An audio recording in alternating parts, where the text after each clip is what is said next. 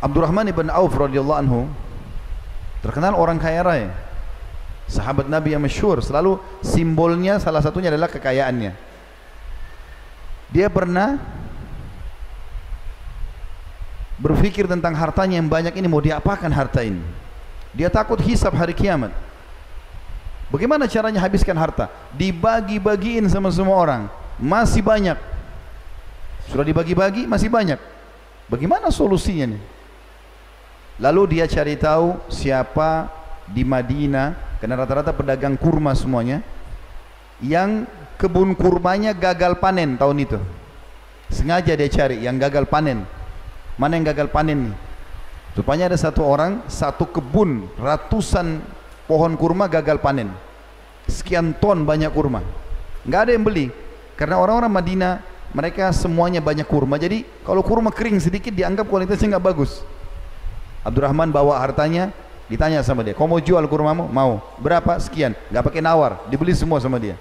Niatnya supaya hartanya udah sedekah buat kamu deh. Lalu kurma kering ini niat mau dibagi-bagi buat orang. Siapa yang mau ambil silakan, gratis. Yang penting hartanya habis disedekahin. Rupanya tidak ada yang mau ambil kurma karena kurma kering. Dianggap kurma kurang bagus kualitasnya. Dan di Madinah orang bisa beli kurma banyak.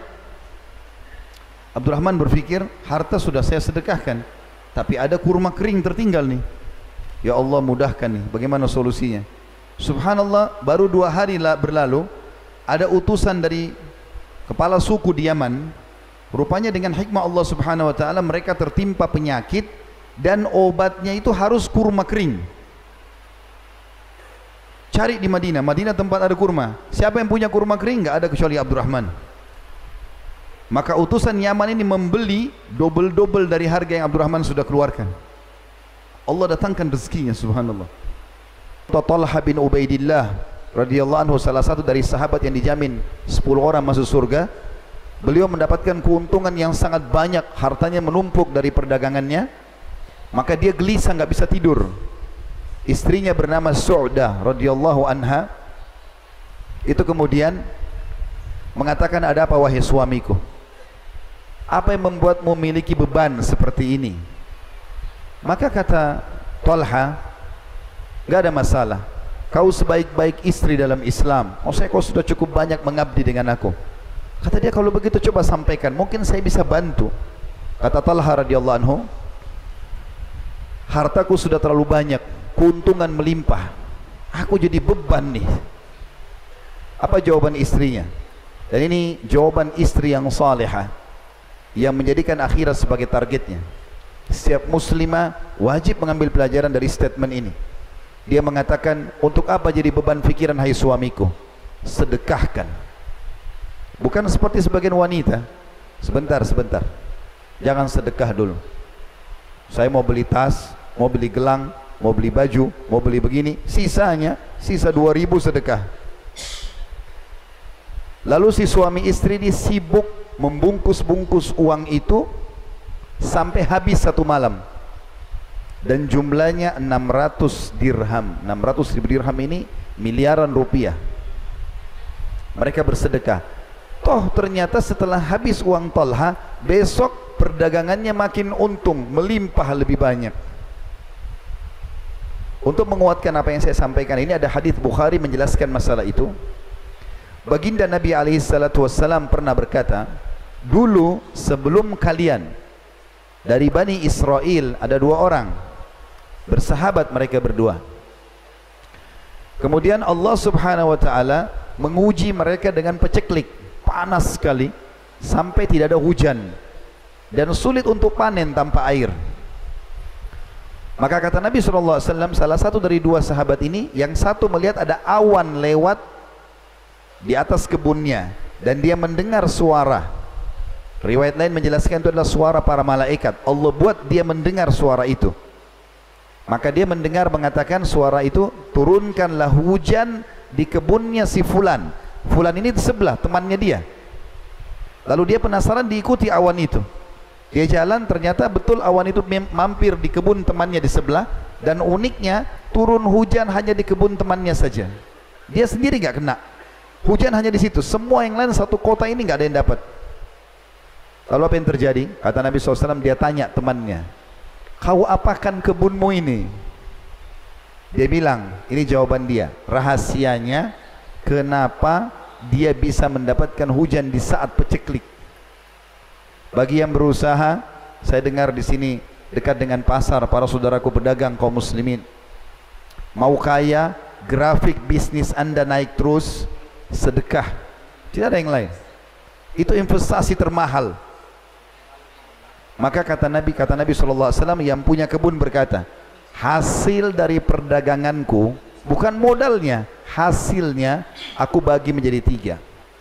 Sepertiganya aku sedekahkan dulu. Sepertiganya aku berikan kebutuhan keluargaku. Dikatakan bahwasanya Abdullah bin Umar radhiyallahu anhu setiap hari bersedekah walaupun hanya dengan sebutir bawang. Ada sebuah kisah unik dari Aisyah radhiyallahu anha ummul mukminin. Satu waktu beliau pernah berpuasa, lagi berpuasa. Kemudian sudah mau menjelang buka puasa. Berapa saat lagi azan maghrib? Dia tanya pembantunya di rumah, ada makanan enggak?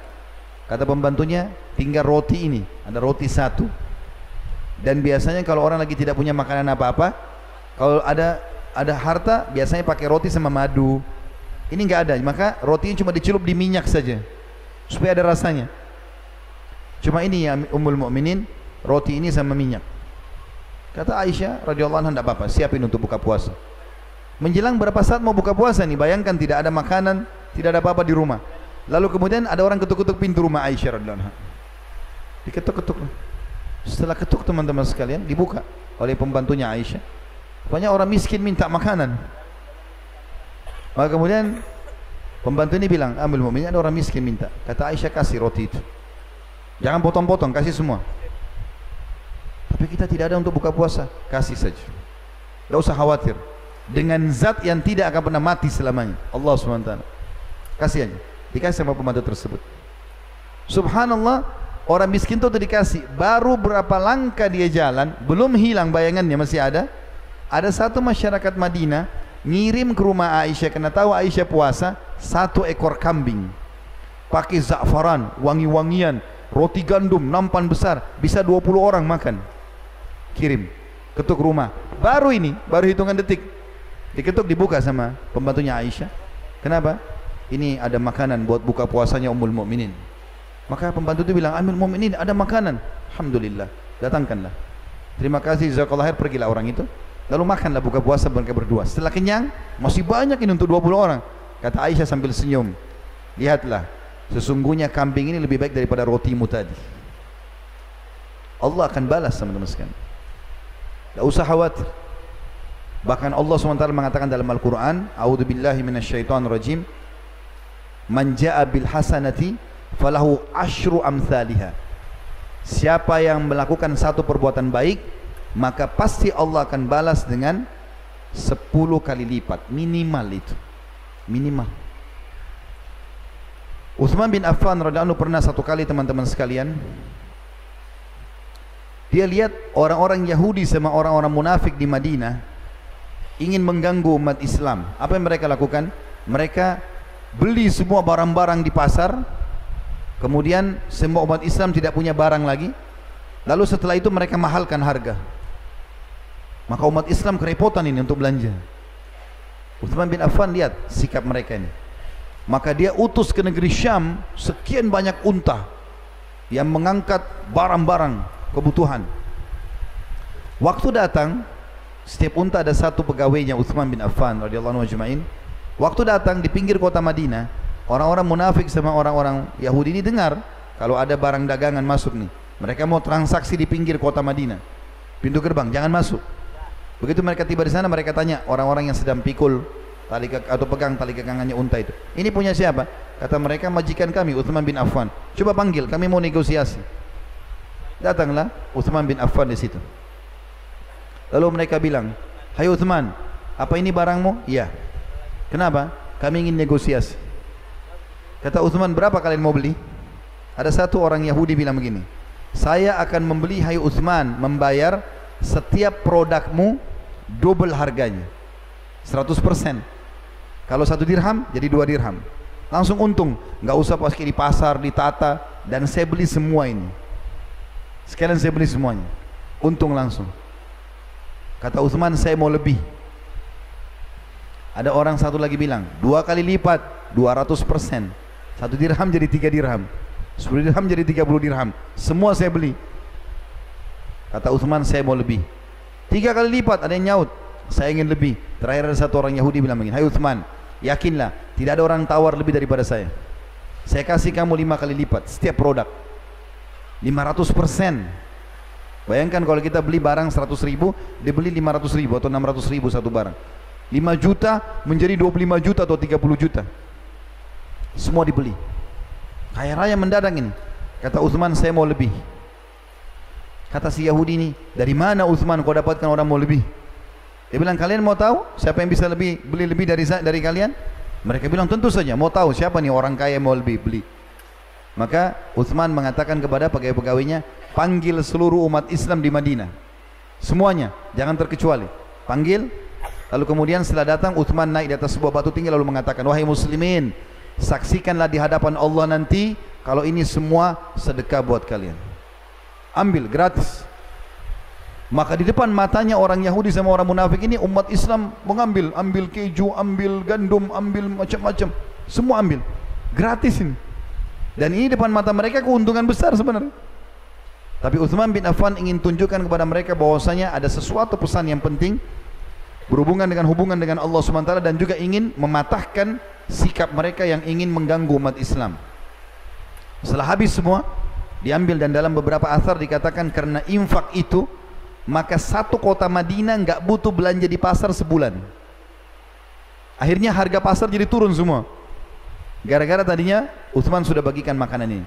Yang terjadi teman-teman sekalian, pada saat Uthman bin Affan sudah bagi-bagi itu, Beliau balik ke arah orang-orang Yahudi dan munafik sambil mengatakan, apakah kalian tahu siapa yang membeli lebih dari kalian? Kata orang-orang Yahudi dan munafik itu, barang apa lagi yang kau mau jual? Sudah habis semuanya. Dia bilang, karena Allah membeli dari saya 10 kali lipat. Tidak ada yang bisa beli 10 kali lipat. Dan dia ingin menunjukkan tentang hadis tersebut.